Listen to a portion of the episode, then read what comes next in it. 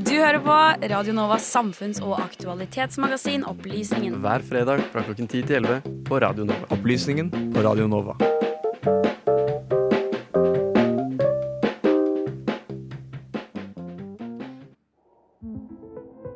Propaganda er et ord med mange definisjoner. I sin enkleste form handler det om påvirkningsarbeid for å endre hva du tenker og føler. Sagt med noen andre og litt skumlere ord dreier det seg om, ja, psykologisk krigføring. Ikke bli for bekymret, kjære lytter.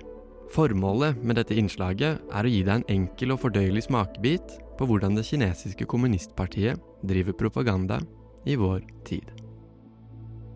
Helt konkret handler dette innslaget om Kinas propaganda rettet mot utlandet.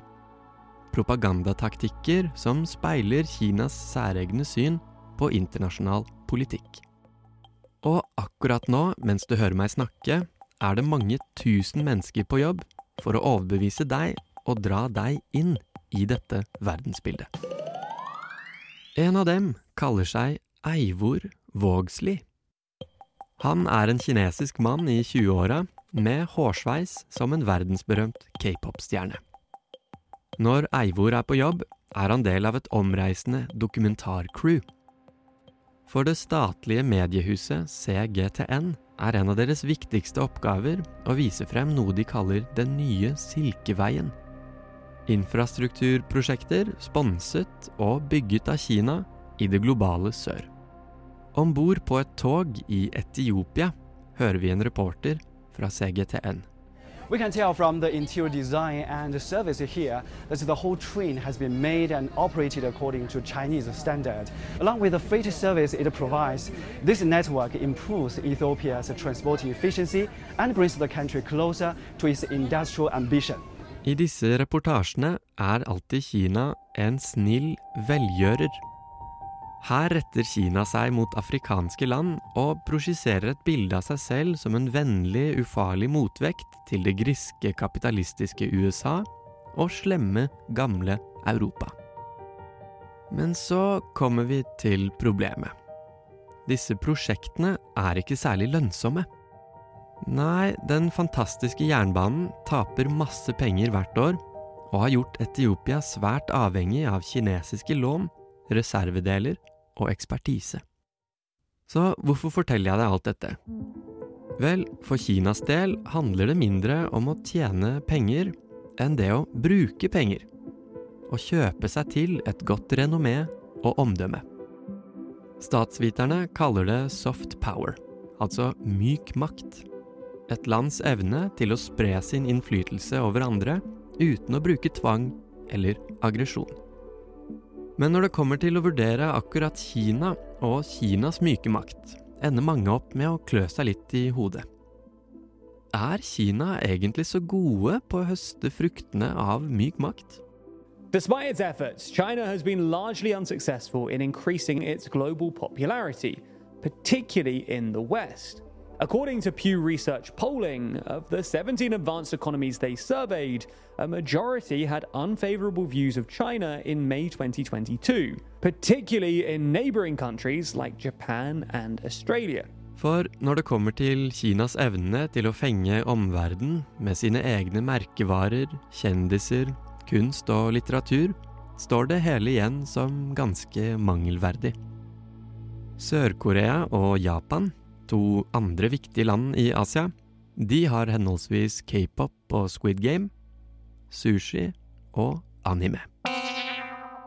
Det kinesiske kommunistpartiets aggressive tone rundt Taiwan, deres voldsomme knebling av protestene i Hongkong, og ikke minst interneringsleirene i Xinjiang, Hæ? det er vel ikke akkurat god PR. Når Kina fremstår mer som en bølle og mindre som et fredelig alternativ til USA og Vesten, ja, da faller det ganske flatt. In fact, international perceptions of China have actually steeply declined in the past few years. Kinas myndigheter forsøker jo å bedre sitt omdømme rundt omkring i verden, men jobber mot seg selv. Det havner i konflikt med et av Beijings andre hensyn Wolf Warrior Diplomacy. Altså, Kina ønsker seg respekt i en såkalt multipolær verdensorden. Og kinesisk propaganda reflekterer kanskje mest av alt en avsmak og en svartmaling av Vesten. Kritisk dekning av Kina presenteres som løgn eller rasisme. Litt som det passer seg. I en kinesisk forståelse fortjener det følgelig også aggressive motsvar. Så tilbake til Eivor Vågsli, den kinesiske mannen jeg nevnte tidligere. Ja, han fra propagandakanalen CGTN med det norske jentenavnet. På Twitter dundrer han av gårde om Vestens forfall og Kinas bragder. Jeg tar kontakt, og jeg spør ham hvor Eivor-navnet kommer fra. Hvorpå han informerer meg at han hadde en norsk kjæreste en gang i tiden. Jeg lurer på om han vet at det vanligvis er et jentenavn. Han er klar over det, men skyter inn at Eivor er en spillbar mannlig karakter i Assassin's Creed. Ok, jaha. Fordi Eivor jobber i propagandakanalen CGTN, er han pålagt å være medlem av det kinesiske kommunistpartiet. De har en ganske streng politikk når det gjelder kjønnsidentitet og skeives rettigheter. Jeg spør ham like så greit. Er det sant at i Kina blir transidentitet klassifisert som en mental lidelse? Er det sant at en kvinne fikk ti års fengsel for å skrive en homofil kjærlighetshistorie? Eivor eh, blokkerer meg, og det var kanskje ikke så overraskende. Men ikke før han skriver en tirade om at jeg har fornærmet ham, at Arbeiderpartiet har indoktrinert meg, og at jeg er useriøs.